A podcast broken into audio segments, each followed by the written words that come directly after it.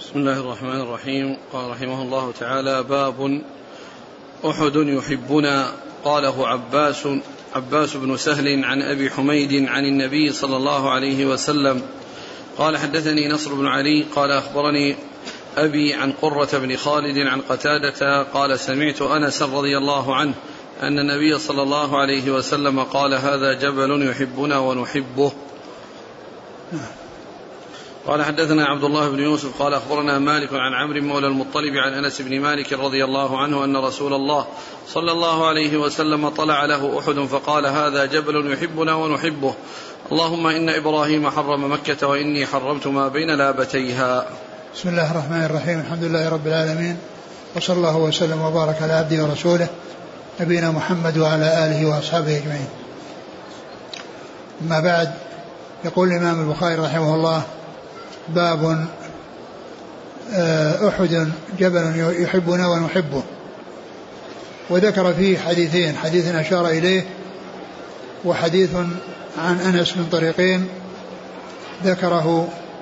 والحديث الأول الذي أشار إليه الذي أشار إليه خرجه البخاري في صحيحه وسبق أن مر في كتاب الزكاة في باب خرص الثمار.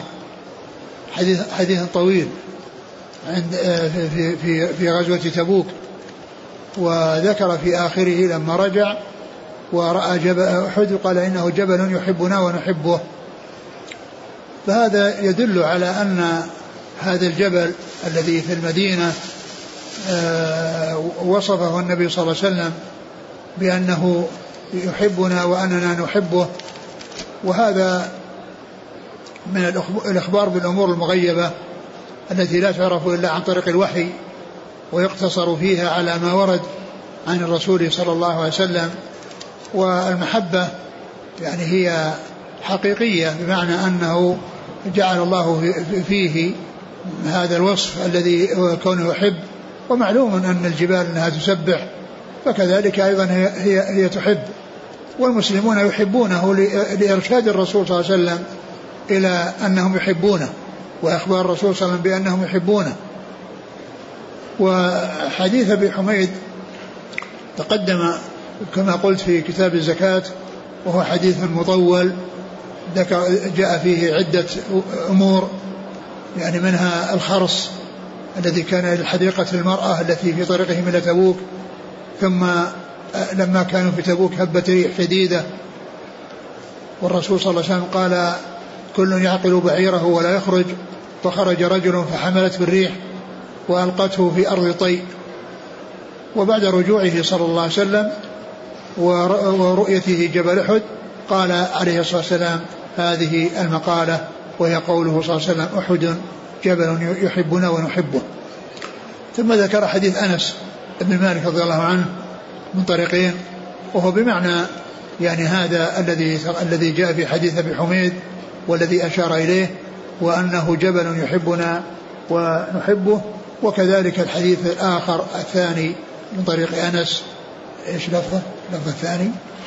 طلع طلع له أحد فقال هذا جبل يحبنا ونحبه. اللهم إن إبراهيم حرم مكة وإني حرمت ما بين لابتيها. يعني ذكر فيه زيادة يعني في الطريقة الثانية زيادة وهو أن الرسول عليه الصلاة والسلام لما قال إن أحد جبلنا ونحبه يحبنا ونحبه قال إن إبراهيم حرم مكة وإني حرمت ما بين لابتيها يعني أنه أضاف التحريم إلى إبراهيم بمكة وأما التحريم للمدينة فإنه أضافه إلى نفسه ولكن هذا المقصود به إظهار التحريم وإلا فإن التحريم من الله.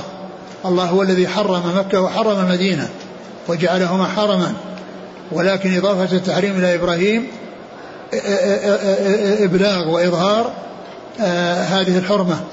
وكذلك بالنسبة للمدينة إضافته إلى محمد صلى الله عليه وسلم يعني إظهار هذه الحرمة وإبلاغها للناس. نعم. قال حدثنا قال والحديث والحديث الحديث الذي سبق أن تقدم هو حديث طويل وهو برقم ألف وأربعمائة وواحد وثمانين. شوف الحديث. نعم. وش في آخره آخره ما يتعلق بجبل أحد. فلما رأى أحدا قال هذا جبيل يحبنا ونحبه ألا أخبركم بخير دور الأنصار؟ قالوا بلى قال دور بني النجار ثم بني عبد الأشهل. نعم. قال حدثني نصر بن علي عن أبيه. نصر بن علي الجهضمي. عن أبيه علي بن نصر ابن علي. ونصر هذا هو أحد شيوخ أصحاب الكتب الستة الذين هم تسعة. منهم نصر بن علي ابن نصر بن علي ابن علي الجهضمي. وسبق أن ذكرت لكم أن التسلسل في في الأسماء بين اسم الأب واسم الأب يعني جاء متكررا وهذا من أكثر ما جاء فيه لأنه ذكر فيه خمسة. لأنه علي ابن نصر ابن علي ابن نصر ابن علي والذي معنا هو الذي في الوسط نصر بن علي ابن نصر نصر بن نصر علي بن علي بن نصر بن علي ابن نصر بن علي ابن نصر وفي الأول علي وفي الآخر علي فعلي جاء ثلاث مرات علي بن نصر بن علي بن نصر بن علي الجهضمي وهذا الذي معنا هو شيخ أصحاب الكتب ويروي عن أبيه علي بن نصر بن علي الجهضمي. لأن لأن علي بن نصر الأول حفيد حفيد علي الثاني الذي هو جده يعني علي بن نصر بن علي ابن نصر بن علي. وسبق أن ذكرت أن من, من, من, من مثل ذلك خليفة بن خياط بن خليفة بن خياط خليفة بن خياط ابن خليفة بن خياط يعني يتكرر التسمية بأسماء الآباء. نعم. عن قرة بن خالد عن قتادة عن أنس. نعم. قال حدثنا عبد الله بن يوسف عن مالك. عبد الله بن يونس يوسف التنيسي عن مالك. عن عمرو مولى المطلب عن أنس بن مالك. نعم. والإسناد شو كيف؟ حدثنا. عبد الله بن يوسف قال أخبرنا مالك عن عمرو بن مولى المطلب عن أنس. نعم. أربعة آلاف ومائة وتسعة. قال حدثنا أبو نعيم قال حدثنا سفيان عن أبي إسحاق عن سليمان بن صرد رضي الله عنه قال قال النبي صلى الله عليه وسلم يوم الأحزاب نغزوهم ولا يغزوننا. اللي بعده. قال حدثني عبد الله بن محمد قال حدثنا يحيى بن آدم قال حدثنا إسرائيل قال سمعت أبا إسحاق يقول سمعت سليمان بن صرد يقول سمعت النبي صلى الله عليه وسلم يقول حين أجل الأحزاب حين أجل الأحزاب أجل يمكن كافي يعني. ما فيها الا وجه واحد. ها؟ مضبوطة في اليونانية على وجه واحد فقط. إيه هي ماشي ماشي لأن هناك في الشرق قال أجلي. يمكن كله صحيح. أجلاهم أجلي يعني بصيغة البناء المفعول وأجلى بالنسبة للمعلوم. نعم لا لكن الفاعل الأحزاب وجعل عليها تصحيح. إيش؟ حين الفاعل الأحزاب. آه. حين وجعل عليها علامة تصحيح صح. على وين؟ يقول حين أجل الأحزاب عنه. الآن نغزوهم ولا يغزوننا. حين أجل الأحزاب؟ نعم. عنه. حين أجل الله الأحزاب عنه نعم.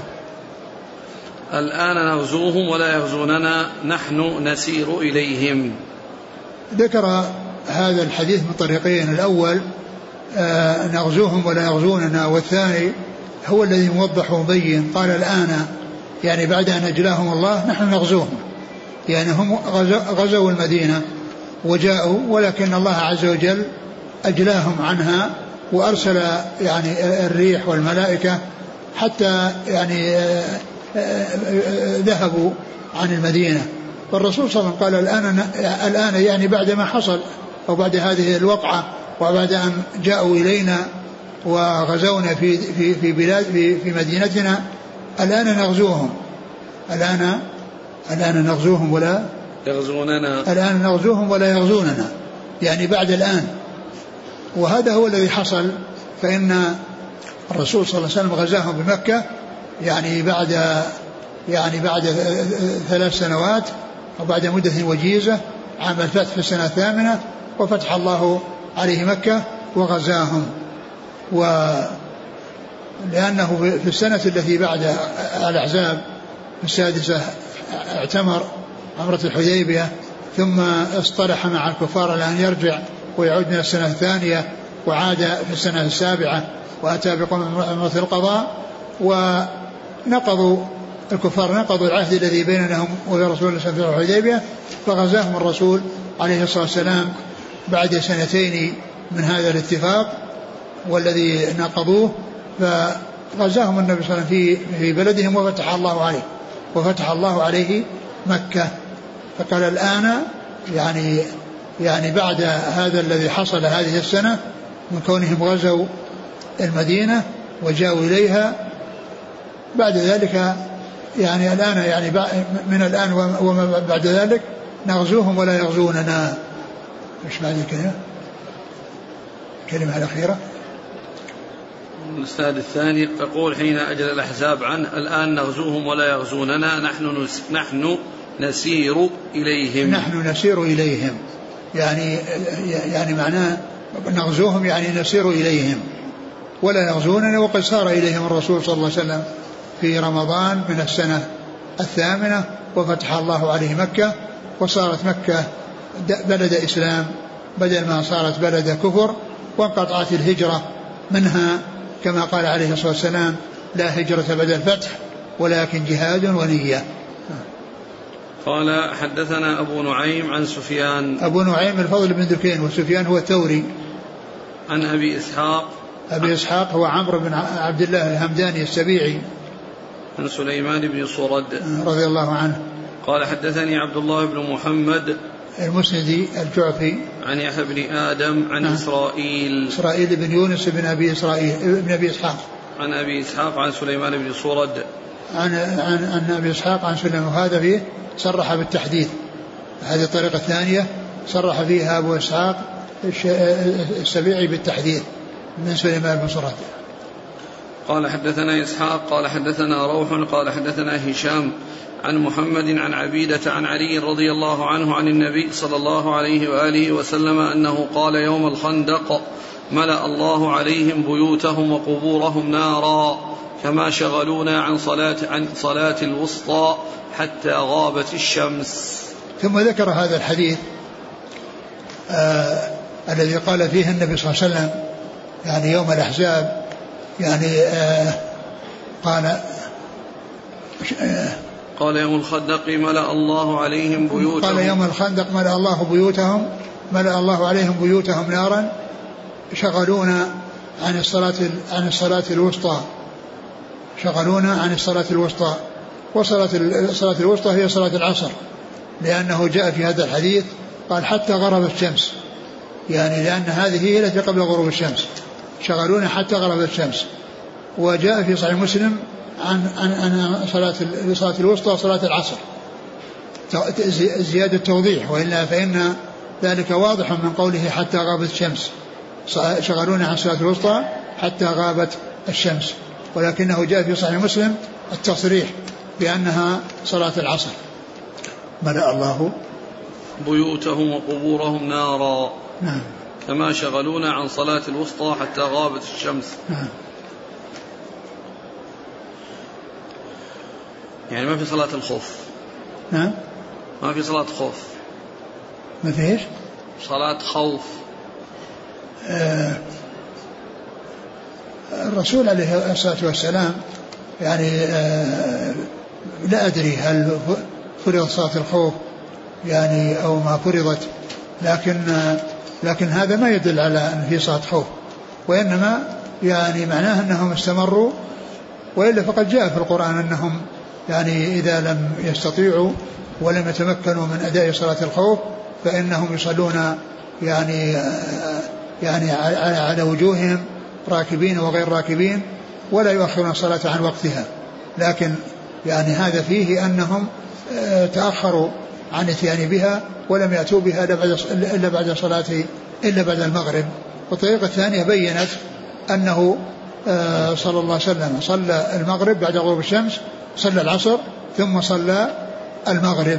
يعني صلى العصر التي فاتت وصلى المغرب بعد صلاة العصر لأن تلك فائتة وهذه حاضرة فقدمت الفائتة على الحاضرة لأنها في الأصل هي مقدمة عليها. مسألة الخوف ما ما أعرف يعني شيء يتعلق بالخوف في هذه في في, في هذا الوقت. الذي هو في غزوة الأحزاب. قال حدثنا إسحاق عن روح. إسحاق بن منصور. عن روح. روح بن عبادة. عن هشام عن محمد. عن عن هشام هشام بن حسان. عن محمد عن عبيدة. محمد بن سيرين عبيدة بن عمرو السلماني. عن علي. علي بن أبي طالب رضي الله عنه. قال حدثنا المكي بن إبراهيم قال حدثنا هشام عن يحيى عن أبي سلمة عن جابر بن عبد الله أن عمر بن الخطاب رضي الله عنهم جاء يوم الخندق بعدما غربت الشمس جعل يسب كفار قريش وقال يا رسول الله ما كدت أن أصلي حتى كادت الشمس أن تغرب. قال النبي صلى الله عليه وآله وسلم والله ما صليتها. فنزلنا فنزلنا مع النبي صلى الله عليه وسلم بطحان فتوضأ للصلاة وتوضأنا لها فصلى العصر بعدما غربت الشمس ثم صلى بعدها المغرب. ثم ذكر حديث عمر الذي قال ما كنت أصلي العصر حتى أصلي العصر. ما كنت أن أصلي حتى كاد الشمس ما كنت أصلي يعني صلاة العصر حتى كادت الشمس أن تغرب. قال بل أنا ما صليتها. ثم إنهم ذهبوا إلى بطحان وتوضأوا وصلوا المغرب صلوا العصر الفائتة وصلوا المغرب الحاضرة بعدها. قال حدثنا المكي بن إبراهيم نعم. عن هشام.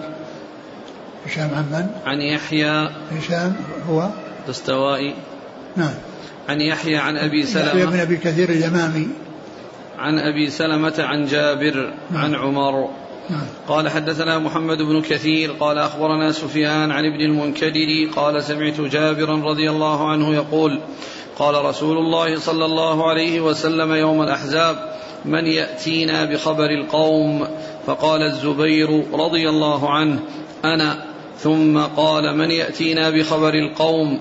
فقال الزبير أنا. ثم قال من يأتينا بخبر القوم؟ فقال الزبير أنا. ثم قال إن لكل نبي حواري وإن حواري الزبير. ثم ذكر هذا الحديث عن جابر أن النبي صلى الله عليه وسلم قال يوم الأحزاب من يأتينا بخبر القوم؟ يعني قريش الذين يعني جاءوا لغزو المدينة من يأتينا بخبر القوم؟ فقال الزبير أنا ثم ثانية قال أنا ثم ثالثة قال أنا ثم قال عليه الصلاة والسلام إن لكل نبي حواري وحواري الزبير. وهذه منقبة من مناقب الزبير وهي من مناقبه رضي الله عنه وأرضاه والحواري هو الناصر والمعين والناصح فسر بعدة تفسيرات كلها تدور حول أنه معين وأنه أنه ناصر وأنه ناصح وكلها تدور حول هذه المعاني. ثم وهو كما قلت يدل على منقبة من مناقب الزبير رضي الله عنه. نعم. قال حدثنا محمد بن كثير. وإنما أورده هنا من أجل ذكر الأحزاب وأن هذا حصل في الأحزاب. نعم. محمد بن كثير العبدي. عن سفيان. الثوري. عن ابن المنكدر. محمد بن منكدر. عن جابر. نعم. قال حدثنا قتيبة بن سعيد قال حدثنا الليث عن سعيد بن أبي سعيد عن أبيه عن أبي هريرة رضي الله عنه أن رسول الله صلى الله عليه وسلم كان يقول لا إله إلا الله وحده أعز جنده ونصر عبده وغلب الأحزاب وحده فلا شيء بعده. ثم ذكر هذا الحديث عن أبي هريرة. نعم. أن النبي صلى الله عليه وسلم كان يدعو فيقول فيقول فيقول كان يقول لا إله إلا الله. كان يقول لا إله إلا الله وحده. أعز نعم. أعز جنده. أعز جنده ونصر, ونصر عبده. وهزم الأحزاب وغلب وغلب الأحزاب, وغلب الأحزاب وحده. فلا شيء بعده. فلا شيء بعده. فيعني هذا فيه فيه أن هذا الذي حصل في هذه الغزوة هو من الله عز وجل لأنهم أمم كثيرة. تجمعت لغزو المدينة ولكن الله عز وجل أتى بشيء من عنده ما كان يعني يحسبون ما كانوا يحسبون له حساب حيث أرسل الله الريح الريح التي آه، وصفها الله في القرآن بأنها بأنها يعني آه، هربوا وشردوا بسببها. فعز الله عز وجل جنده ونصر عبده رسول الله صلى الله عليه وسلم و فهذا الذي حصل هو في هذا هو من آثار هذا الدعاء الذي فيه أنه إن الله نصره وأن هؤلاء هزمهم الله وأن ان وعده وعد الله له أنجزه وقال لا, لا شيء بعده. نعم. وغلب وغلب الأحزاب وحده. فلا شيء بعده. فلا شيء بعده. يعني لا شيء بعد الله عز وجل. الله هو الذي على كل شيء قدير. فهو الآخر الذي ليس بعده شيء. وهو القوي الذي يعني آه، آه، هذا هذا هذا الذي جاء من آثار قوته. ومن آثار قوته حيث سلط على قريش الريح التي أجلتهم عن المدينة والتي هربوا وقال بعدها رسول الله صلى الله عليه وسلم كما تقدم الآن نغزوهم ولا يغزوننا الآن نغزوهم ولا يغزوننا. نعم. قال حدثنا قتيبة بن سعيد عن الليث ابن سعد. عن سعيد بن أبي سعيد عن أبيه. سعيد بن أبي سعيد المقبري عن أبيه. وهذا هذا هذه الطريق فيها آه، رواية سعيد عن أبيه. عن أبي هريرة. وأبو هريرة وسعيد يروي عن أبي هريرة مباشرة بدون واسطة أبيه. فإذا أبو هريرة شيخ لأبي سعيد آه، المقبري ولسعيد ابنه. فهو فأحيانا يأتي أبو سعيد عن أبي هريرة وليس فيه سعيد وأحيانا يأتي فيه سعيد عن أبي هريرة وليس فيه أبوه وأحيانا يأتي من رواية سعيد عن أبيه عن أبي هريرة. كما في هذا الإسناد. نعم. الذكر هنا كان يقول لا إله إلا الله. ها؟ كان يقول نعم. لا إله إلا الله لا شريك له. نعم. الموضع الزمان. هذا هو هو جاء في أماكن متعددة جاء على الصفا والمروة. يعني في دعاء الصفا والمروة كان يدعو بهذا الدعاء. وكذلك يعني آه، هنا ذكره في الأحزاب. يعني ذكره هنا في غزوة الأحزاب لأن هذا الذي حصل فيها هو من من من, من آثار هذا الدعاء واستجابة الله عز وجل لهذا الدعاء. فليس هنا في الحديث هذا ليس في نص على أنه في هذا الموضع لكن هذا من دعائه عليه الصلاة والسلام. ولكنه جاء أقول جاء الدعاء على الصفا والمروة. نعم قال حدثنا محمد قال أخبرنا محمد بن سلام. قال حدثنا محمد قال أخبرنا الفزاري وعبدة عن إسماعيل بن أبي خالد. الفزاري قال سمعت لا زلنا. نعم قال سمعت عبد الله بن أبي أوفى نعم, نعم. رضي الله عنهما يقول دعا رسول الله صلى الله عليه وسلم على الأحزاب فقال اللهم منزل الكتاب سريع الحساب اهزمهم اهزم الأحزاب اللهم اهزمهم. وزلزلهم. ثم ذكر هذا الدعاء عن عبد الله بن أبي أوفى وهو أن النبي صلى الله عليه وسلم دعا الأحزاب فقال اللهم اهزم, أهزم الأحزاب. اللهم منزل الكتاب اللهم سريع. منزل الكتاب. سريع الحساب. سريع الحساب. اهزم. الأحزاب. اهزم الأحزاب وزلزلهم. اهزم الأحزاب وزلزلهم. وهذا الذي حصل في الحديث الأول هو نتيجة لهذا الدعاء. هو نتيجة لهذا الدعاء فإن الله يعني هزمهم وزلزلهم وذهبوا يعني خاسرين بما أنزل الله على رسوله صلى الله عليه وسلم من هذا النصر وهذا التأييد.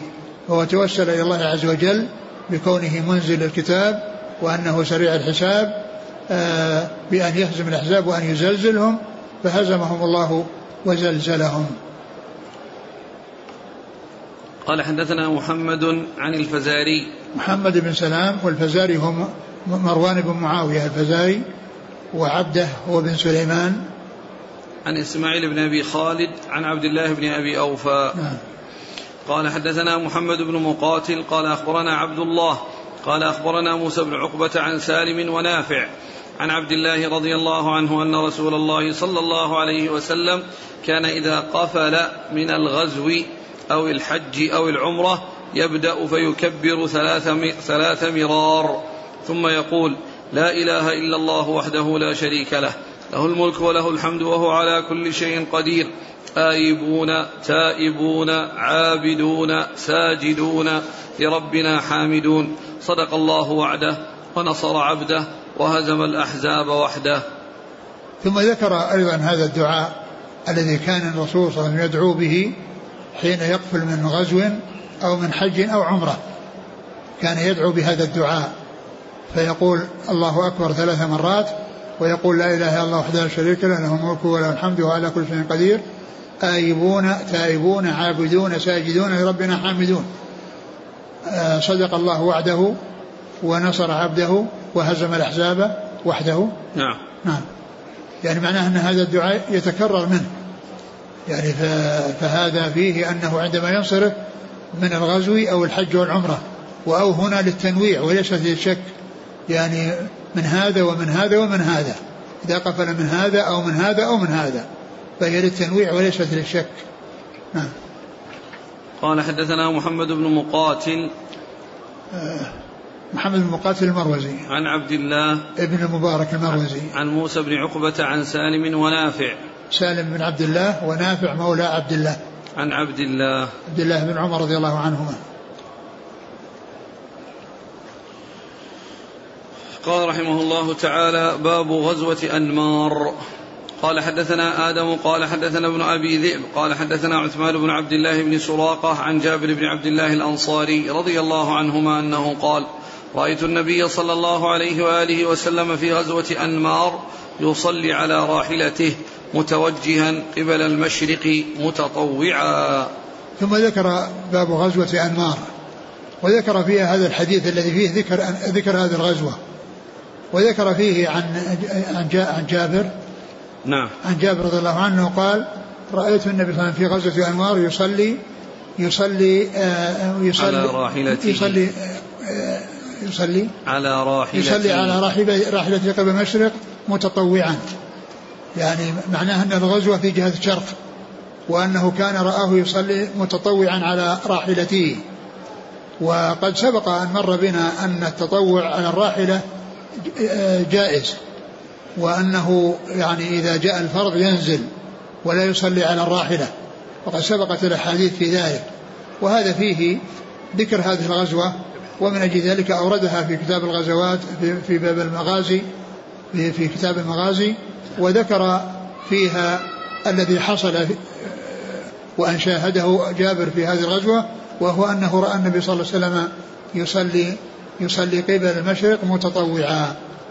وسبق أن مر بنا أن الإنسان يصلي إلى أي جهة بالنسبة للنافلة بالنسبة للنافلة إذا كان مسافرا يصلي وأنه يصلي إلى أي جهة ولكن جاء في يعني في السنة أنه يبدأ بصلاته متجها القبلة ثم يتجه حيث تتجه به راحلته.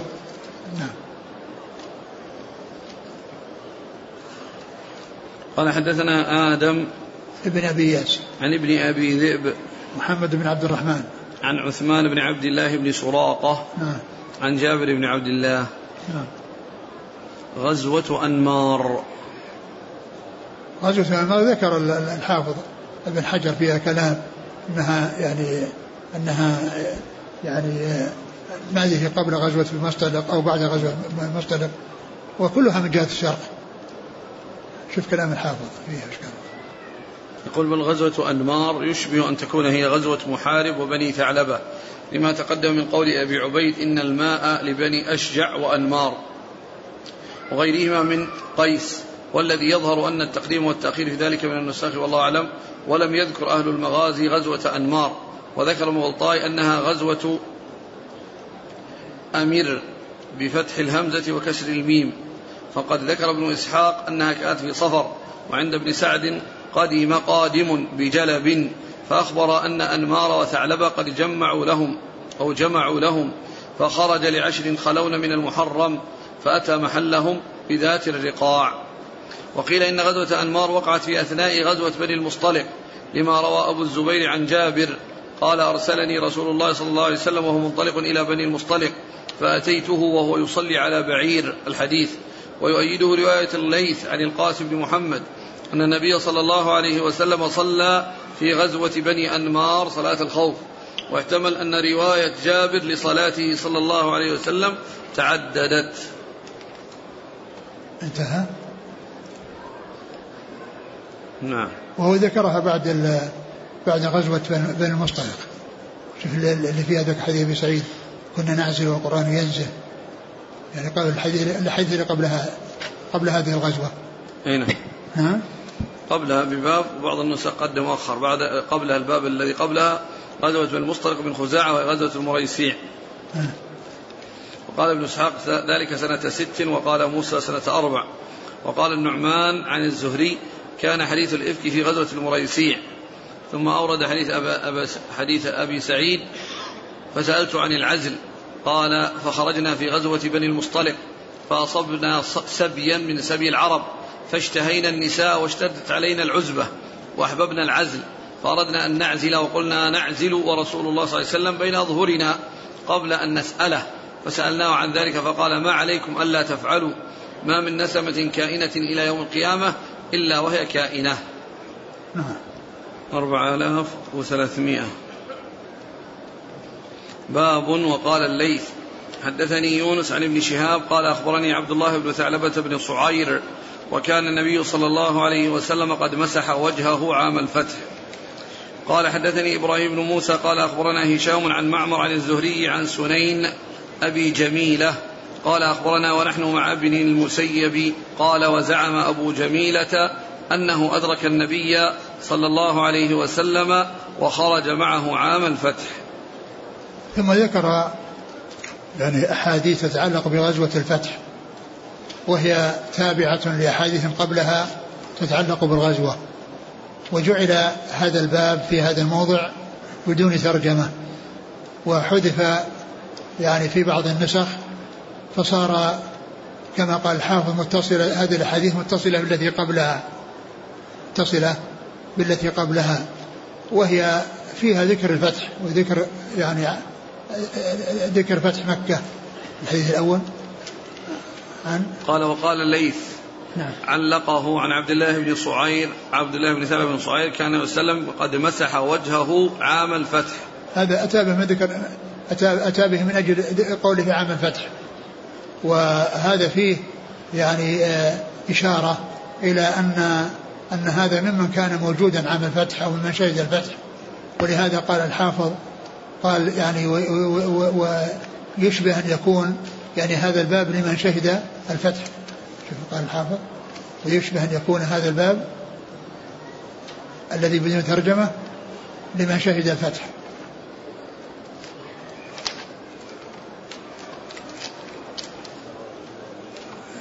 شوف إيش قال باب قال إيش قال في الترجمة؟ قال كذا في الأصول بغير ترجمة وسقط من رواية النسف فصارت أحاديثه من جملة الباب الذي قبله. مناسبتها له غير الظاهرة ولعله كان قد بيض له. ليكتب له ترجمة فلم يتفق. والمناسبة لترجمته من شهد الفتح. والمناسب لترجمته من شهد الفتح. نعم من شهد الفتح. يعني من شهد الفتح يعني مناسب للترجمة من شهد الفتح. ومنهم يعني هؤلاء الذين ذكرهم. وإذا كان الباب غير موجود فهو متصل بالأبواب التي قبله أو بالأحاديث التي قبله وهي كلها تتعلق بالفتح. نعم. قال وقال الليث عن يونس عن ابن شهاب. إيش المتن؟ قد مسح وجهه عام الفتح. نعم مسحه قد مسح وجهه عام الفتح. يعني أنه مما كان من شهد الفتح. نعم. الليث عن عن يونس عن ابن شهاب. يونس بن يزيد عن ابن شهاب. عن عبد الله بن ثعلبة بن صعير. نعم. قال بعد ذلك صعير بالسين ولا بالصاد؟ بالصاد. نعم. نعم. قال عن سنين بن أبي جميلة أخبرنا نحن مع ابن المسيب قال وزعم أبو جميلة أنه أدرك النبي صلى الله عليه وسلم وخرج معه عام الفتح. وهذا مثل الذي قبله. أدرك أنه أنه شيء أنه قال خرج مع النبي صلى الله عليه وسلم. نعم. عام الفتح. نعم. قال حدثنا إبراهيم بن الإسناد قال حدثنا إبراهيم بن موسى عن هشام عن معمر عن الزهري عن سنين بن أبي عن سنين أبي جميلة. نعم. قال أخبرنا ونحن مع ابن المسيب. نعم. قال وزعم أبو جميلة أنه أدرك النبي صلى الله عليه وسلم وخرج معه. عام الفتح. هذا هو المقصود أنه خرج معه عام الفتح لكن ذكر الحافظ أن الذي أخبرهم به هو أنه رأى سعد بن وقاص يوتر بركعة. شوف الشرح. أخبرنا ثم ذكر يعني هذه الجملة الاعتراضية وذكر أن الذي أخبر به محذوف وأنه رآه يوتر بركعة يعني رأى سعد بن وقاص. يوتر بركعة تقدم ذكره في الشهادات لأنه هنا لم يشرح عليه. نعم. قال وخرج معه عام الفتح ذكر أبو عمر أنه حج معه حجة الوداع. وتقدم ذكره في الشهادات. نعم. بس هذا الذي قال هنا. إيه. كيف الشهادات؟ اقرأ اقرأ بس تقدم ذكره في الشهادات المهم أن فيه أن الذي أخبر فيه قال اخبرني كذا وشهد معه الفتح أنه رأى سعد بن وقاص يوتر بركعة. هو أورد أورد الذي يتعلق أورد الذي يتعلق بالفتح وفتح مكة وأنه يعني شهد الفتح. نعم شو وقال في آخر عام الفتح وقد وصله من وجه آخر عن الزهري فقال عن عبد الله بن ثعلبة أنه رأى سعد بن وقاص أوتر بركعة نعم. أخرجه في كتاب الأدب كما سيأتي. نعم. تعال. تعال. يعني هنا اختصره وأتى بمحل الشاهد للباب الذي هو ما يتعلق بغزوة الفتح. يعني أدرك النبي خرج معه عن الفتح وكذلك رأى سعد بن وقاص. نعم نعم.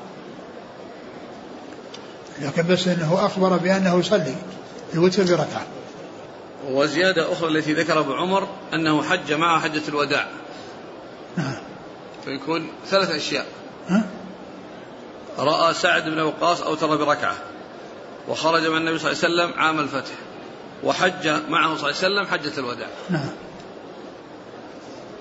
قال حدثني إبراهيم بن موسى نعم. عن هشام عن عن عن معمر عن الزهري. هشام بن السوائي عن معمر آه. عن الزهري عن سنين. سليم. سنين أبي جميل. إيه سنين نعم. سنين أبي جميلة نعم. هشام بن يوسف. شوف إيش قال الحافظ. قال سماه؟ لا ما سماه. آه. عن معمر عن الزهري عن سنين أبي جميلة. آه. قال أخبرنا ونحن مع ابن المسيب وزعم أبو جميلة. نعم. يعني آه. هذا فيه أن أن أن مما كان حضر ذلك سعيد المسيب نعم. قال حدثنا سليمان بن حرب قال حدثنا حماد بن زيد عن أيوب عن أبي قلابة عن عمرو بن سلمة قال لي أبو قلابة ألا تلقاه فتسأله؟ قال فلقيته فسألته فقال كنا بماء ممر, ممر الناس وكان يمر بنا الركبان فنسألهم ما للناس ما للناس؟ ما هذا الرجل فيقولون يزعم أن الله أرسله أوحى إليه أو أوحى الله بكذا فكنت أحفظ ذلك الكلام وكأنما يغرى في صدري وكانت العرب تلوم بإسلامهم تلوم بإسلامهم الفتح فيقولون اتركوه وقومه فإنه إن ظهر عليهم فهو نبي صادق فلما كانت وقعة أهل الفتح بادر كل قوم بإسلامهم وبدر أبي قومي بإسلامهم فلما قدم قال جئتكم والله من عند النبي صلى الله عليه وسلم حقا. فقال صلوا صلاة كذا في حين كذا وصلوا كذا في حين كذا فإذا حضرت الصلاة فليؤذن أحدكم وليؤمكم أكثركم قرآنا. فنظروا فلم يكن أحد أكثر قرآنا مني لما كنت أتلقى من الركبان فقدموني بين أيديهم وأنا ابن ست أو سبع سنين وكان علي بردة. كنت إذا سجدت تقلصت عني فقالت امرأة من الحي ألا تغطوا عنا أستقارئكم فاشتروا فقطعوا لي قميصا فما فرحت بشيء فرحي بذلك القميص.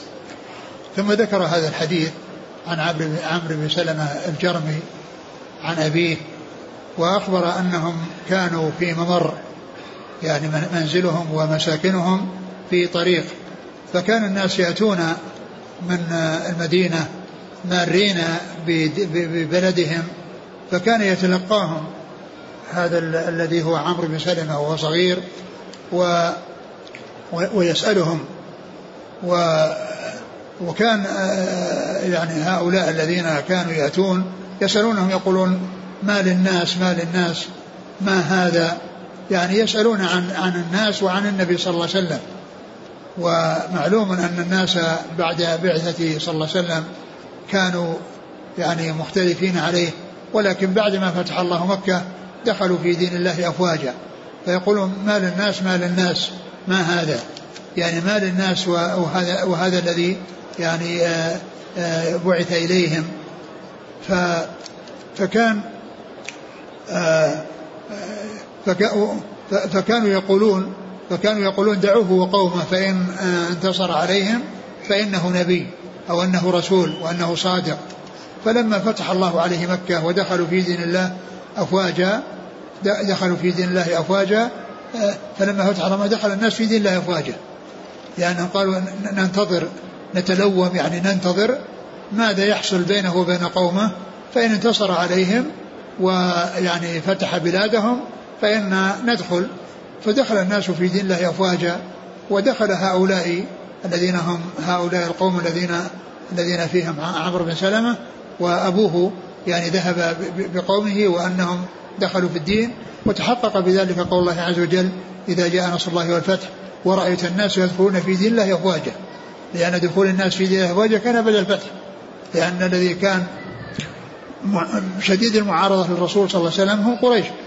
ولكن لما خذلهم الله وهزمهم ويعني تمكن الرسول صلى الله عليه وسلم من فتح مكة صار الناس يدخلون في دين الله أفواجا لأنهم قبل ذلك كانوا ينتظرون. إن انتصر عليهم دخلوا. وإن لم ينتصر فإنهم يبقون على ما هم عليه. أول الحديث. قال عن عمرو بن سلمة سلمة. قال كنا بماء ممر الناس. كنا بماء ممر الناس يعني مسكنهم بماء الناس يمرون من في في أثناء طريق يأتون إليه ذاهبين وآيبين. نعم. كنا بما وكان يمر بنا الركبان فنسألهم ما للناس ما للناس؟ ما هذا الرجل؟ فيقولون يزعم أن الله أرسله أوحى إليه. أو أوحى الله بكذا فكنت أحفظ ذلك الكلام وكأنما يغرى في صدري. يعني أنه يلتقي الركبان ويعني يسألهم ويحدثون بشيء بالوحي ويخبرون بالقرآن الذي سمعوه من رسول الله صلى الله عليه وسلم. فكان عمرو بن سلمة يحفظ ذلك قال كأنما يغرى في صدري يعني آه، كأنه يعني لصق في صدره أو ثبت في صدره أو استقر في صدره ولم يذهب منه شيء. فكان حافظا وكان آه، يسألهم ويعي ويحفظ الشيء الذي يقولونه من الوحي الذي أوحاه الله على رسوله ولا سيما القرآن الذي كان يحفظه شيئا فشيئا من هؤلاء الركبان حتى صار أقرأ قومه الذين كان فيهم. نعم فكان ما يغرى في صدري. وكانت العرب قال كان يعني يثبت فيه كما يثبت الشيء بالغراء. نعم. وكانت العرب تلوم بإسلامهم الفتح وكانت العرب تتلو تلوم يعني تتلوم. الفتح تنتظر الفتح. تتلوم يعني ينتظرون الفتح. فإن انتصر على قومه دخلوا في دينه وإن لم يدخل يدخل وإن لم يحصل انتصاره عليهم يبقون على ما هم عليه لأنهم ينتظرون الذي يجري بينه وبين قومه. والذي تم أن الله فتح عليه مكة ودخل الناس في دين الله أفواجا. كنا نتلوم وكان كانت العرب تلوم بإسلامهم الفتح. نعم. فيقولون يعني ينتظرون بإسلامهم الفتح. فإن انتصر أسلموا. نعم.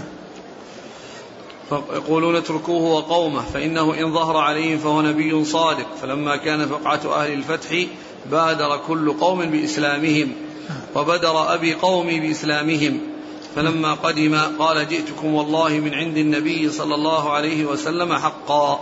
يعني لما أسلموا أسلم الناس ومنهم أهل هذا الماء جاء أبوه من عند رسول الله صلى الله عليه وسلم وقال جئتكم من عندي من من عند رسول الله حقا. فقال صلوا صلاة كذا في حين كذا وصلوا كذا في حين كذا فإذا حضرت الصلاة فليؤذن أحدكم وليؤمكم أكثركم قرآنا. ثم ذكر هذا الذي أتى به أبوه من عند النبي صلى الله عليه وسلم وأنه قال صلوا صلاة كذا في وقت كذا وصلاة كذا في وقت كذا فإذا حضرت الصلاة يعني فليؤذن أحدكم وليؤمكم أكثركم قرآنا. وليؤمكم أكثركم قرآنا. وهذا مثل حديث أبي سعيد. أبي أبي مسعود في صحيح مسلم يؤم القوم أقرأهم لكتاب الله. يؤم القوم أقرأهم لكتاب الله. وهذا يعني مثله. فنظروا من يكون أكثرهم قراءة يعني في هذا الحي الذي في هذا على هذا الماء فلم يجدوا إلا عمرو بن سلمة الذي كان يحفظ من الركبان الذين الذين يأتون من رسول الله صلى الله عليه وسلم. فقدموه للصلاة فكان يصلي بهم وهو ابن ست أو سبع سنين. وهذا يدل على على إمامة المميز يعني إذا كان يعني عنده إذا كان متقدما على غيره وكان عنده ثبات وعنده يعني رزانة يعني ليس يعني من من من, من الصبيان الذين يعني آه عندهم خفة فإن هذا كان أميز قومه حيث كان يذهب ويتلقى ويحفظ والكبار ما كانوا يفعلون هذا. والكبار ما كانوا يفعلون هذا فقدموه لتميزه عليهم بالقراءة ولكونه حصل القراءة بكونه يتلقى الركبان. وهذه همة عالية وعزيمة صادقة من هذا من هذا من هذا الصغير الذي فاق الذي فاق الكبار. نعم. قال فنظروا فلم يكن أحد أكثر قرآنا مني لما كنت أتلقى من الركبان فقدموني بين أيديهم وأنا ابن ست أو سبع سنين وكانت علي بردة كنت إذا سجدت تقلصت عني. فقالت امرأة من الحي ألا تغطوا عنا أستقارئكم فاشتروا فقطعوا لي قميصا فما فرحت بشيء فرحي بذلك القميص. فكان يصلي بهم وكان عليه لباس يعني ليس بجيد ف وكان إذا سجد تتقلص. يعني كأنها ترتفع. يعني ال ال يعني هذه البردة أو هذا اللباس الذي عليه يتقلص. حتى أن امرأة قالت غطوا عنا است يعني قارئكم. قال فشروا يعني فشروا له قميصا فألبسوه إياه ففرح به فرحا شديدا. وهذا لقلة ما كان عليه أصحاب الرسول صلى الله عليه وسلم في من من من, من القلة وما كانوا عليه من آه، عدم التوسع في أمور الدنيا ففرح فرح بذلك فرحا شديدا لأنه من الصغار. قال حدثنا سليمان بن حرب عن حماد بن زيد عن أيوب. أيوب بن أبي تيمية السختياني. عن أبي قلابة. عبد الله بن زيد الجرمي. عن عمرو بن سليمة. نعم. قال قال لي أبو قلابة ألا تلقاه فتسأله؟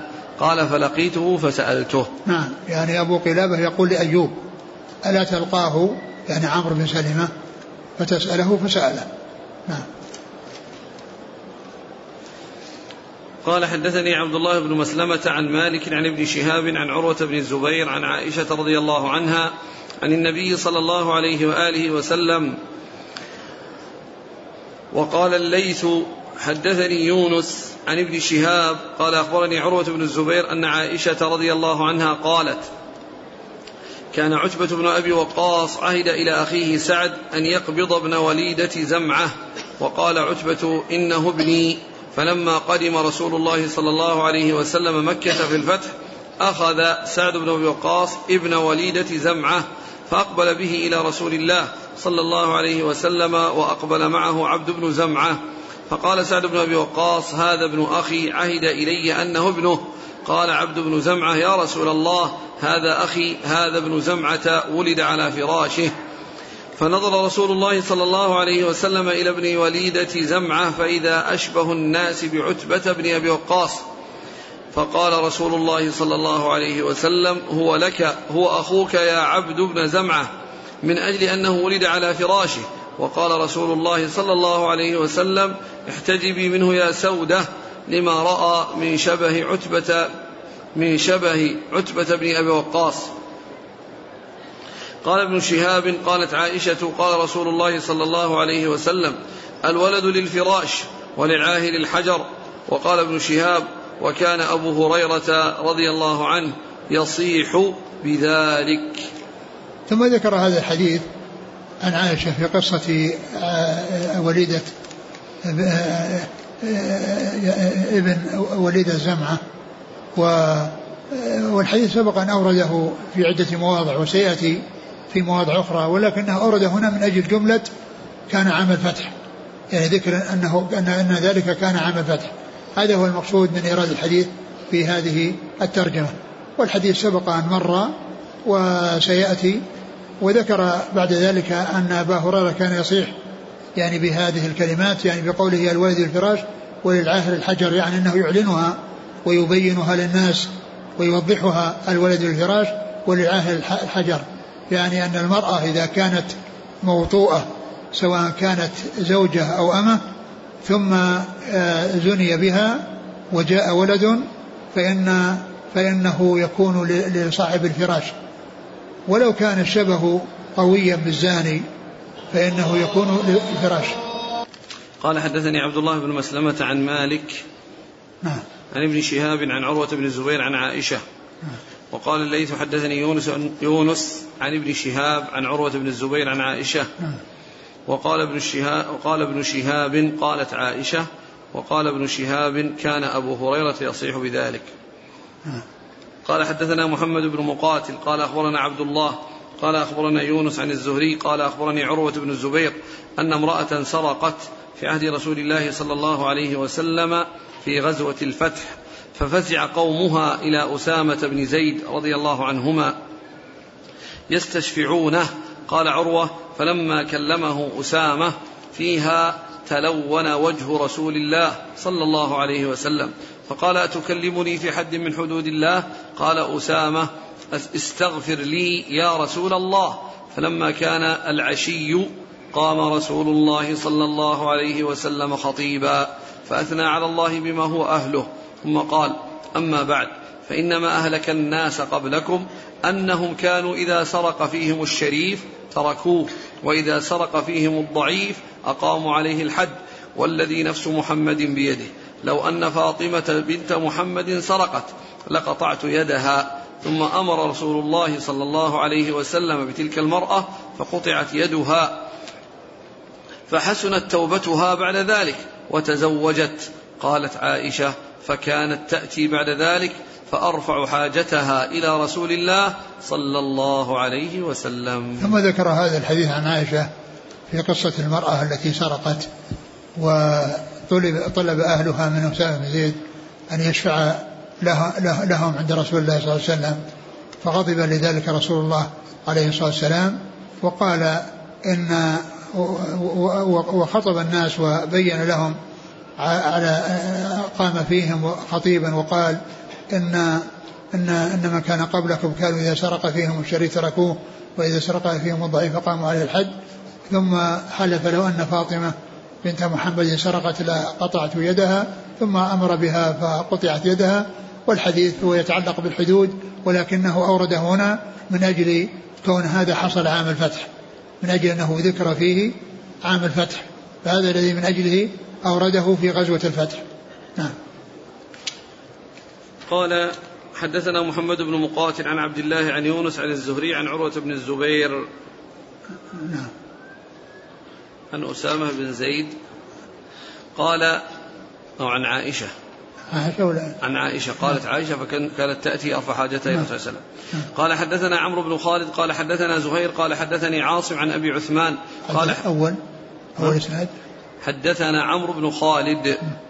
قال حدثنا زهير قال حدثنا عاصم عن أبي عثمان قال حدثني مجاشع رضي الله عنه قال أتيت النبي صلى الله عليه وسلم بأخي بعد الفتح قلت يا رسول الله جئتك بأخي لتبايعه على الهجرة. قال ذهب أهل الهجرة بما فيها. فقلت على أي شيء تبايعه؟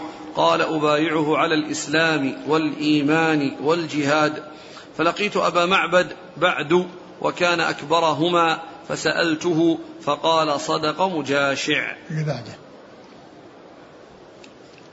الطريق اللي بعده قال حدثنا محمد بن أبي بكر قال حدثنا الفضيل بن سليمان قال حدثنا عاصم عن أبي عثمان النهدي عن مجاشع بن مسعود قال انطلقت بأبي معبد إلى النبي صلى الله عليه وسلم ليبايعه على الهجرة قال مضت الهجرة لأهلها وبايعه على الإسلام والجهاد فلقيت أبا معبد فسألته فقال صدق مجاشع وقال خالد عن أبي عثمان عن مجاشع أنه جاء بأخيه مجالد. ثم ذكر هذا الحديث يعني من طريقين وفيه أن مجاشع بن مسعود ذهب بأخيه أبي معبد مجالد وقال وكان هذا عام الفتح أو بعد الفتح؟ بعد الفتح. بعد الفتح. فقال جئت بأخي لتبايعه فقال على الهجرة. قال ذهبت ذهبت الهجرة أو ذهب؟ ذهب أهل الهجرة بما فيها. ذهب أهل الهجرة بما فيها. يعني أن الهجرة إنما تكون قبل فتح مكة. وقد آه، سبق إلى الهجرة من سبق إليها. وبعد أن فتحت مكة وصارت دار إسلام فإنه لا هجرة. لا هجرة بعد الفتح كما قال ذلك رسول الله صلى الله عليه وسلم. ولكن جهاد ونية وإذا استنفرتم فانفروا. فذكر يعني في هذا أن أن أنه آه، آه، أنه لما قال ذهبت أهل الهجرة بما فيها قال على قال على الإيمان والجهاد. على الإيمان والجهاد و الإسلام والإيمان على الإيمان والإسلام والجهاد. ف يعني والمقصود من ذلك من إرادة هنا ذكر أنه بعد الفتح يعني بعد فتح مكة. والحديث سبق أن مر والحديث سبق أن مر بنا قريبا و فيما يتعلق بالهجرة. وهنا أورده من أجل ذكر الفتح وأنه بعد الفتح. نعم. قال حدثنا عمرو بن خالد عن زهير ومعاوية. عن عاصم بن سليمان الأحول. عن أبي عثمان النهدي. عن مجاشع. مجاشع بن مسعود. قال حدثنا محمد بن أبي بكر نعم. مقدم عن الفضيل بن سليمان نعم. عن عاصم عن أبي عثمان النهدي عن مجاشع بن مسعود. والله تعالى أعلم وصلى الله وسلم وبارك على عبده ورسوله نبينا محمد وعلى آله وأصحابه أجمعين. جزاكم الله خيرا وبارك الله فيكم والهمكم الله الصواب وفقكم للحق شفاكم الله وعافاكم ونفعنا الله ما سمعنا غفر الله لنا ولكم وللمسلمين أجمعين. يقول السائل هل معنى ذلك أن أن أن مكة بعد الفتح يستحب يستحب الهجرة منها؟ ما في شيء يدل على هذا. يعني قال لا هجرة بعد الفتح. لأنها صارت دار اسلام. الهجرة يوم كان يوم كانت دار كفر. فإنهم كانوا يتركون بلد, الكفر إلى بلد الإسلام. وأما بعد فتح مكة صارت دار الإسلام. ودار الإسلام لا يهاجر منها. دار الإسلام لا يهاجر منها. لكن لكن من جاء من أجل أن يكون مع النبي صلى الله عليه وسلم وينصره ويؤيده فإن هذا هو الذي جاء فيه ذكر الجهاد وأنه الذي بقي هو الجهاد. وأما فيما يتعلق بالهجرة فإن الهجرة انتهت بفتح مكة لأنها هجرة من بلاد الكفر إلى بلاد الإسلام. هذه الهجرة.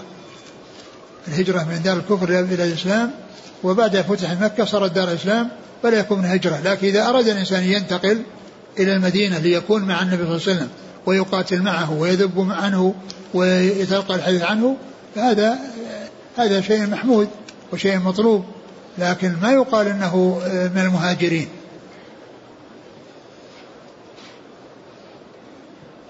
يقول زيادة فلا شيء بعده. هل يشرع ذكرها على الصفا والمروة في الحج والعمرة؟ لا يؤتى باللفظ الذي ورد.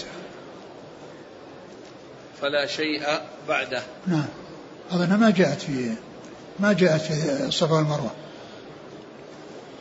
قال دعاء تائب آيبون تائبون عابدون خاص بالرجوع من الحج والعمرة والغزو أو من جميع الأسفار. من جميع الأسفار.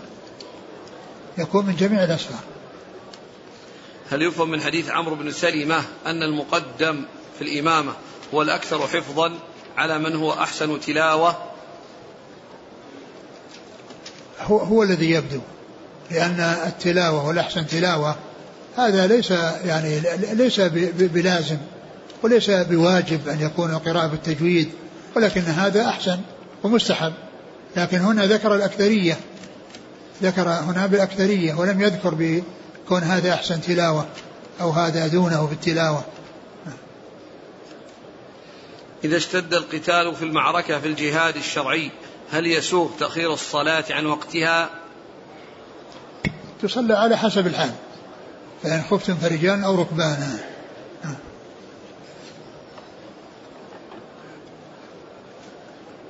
يقول إذا كنت مسافرا على متن طائرة ودخل وقت الصلاة والطائرة لا تهبط إلا بعد خروج الوقت فهل أصلي في الطائرة أو أنتظر حتى تهبط؟ لا تصلي في الطائرة. فإن كان فيها مكان تصلي فيه تركع وتسجد تستقبل القبلة افعل. وإن لم تجد فإنك تصلي وأنت في مقعدك. يعني وأنت معذور. لأن الصلاة لا تؤخر عن وقتها. هل ينبغي للمسلم أن يحب أحدا كما يحبه الرسول صلى الله عليه وسلم؟ يعني هذا هو شأن المسلمين كأن شأن كل مسلم أن يكون محبا لما أخبر به الرسول صلى الله عليه وسلم مما يحب. شأن كل مسلم أن يكون محب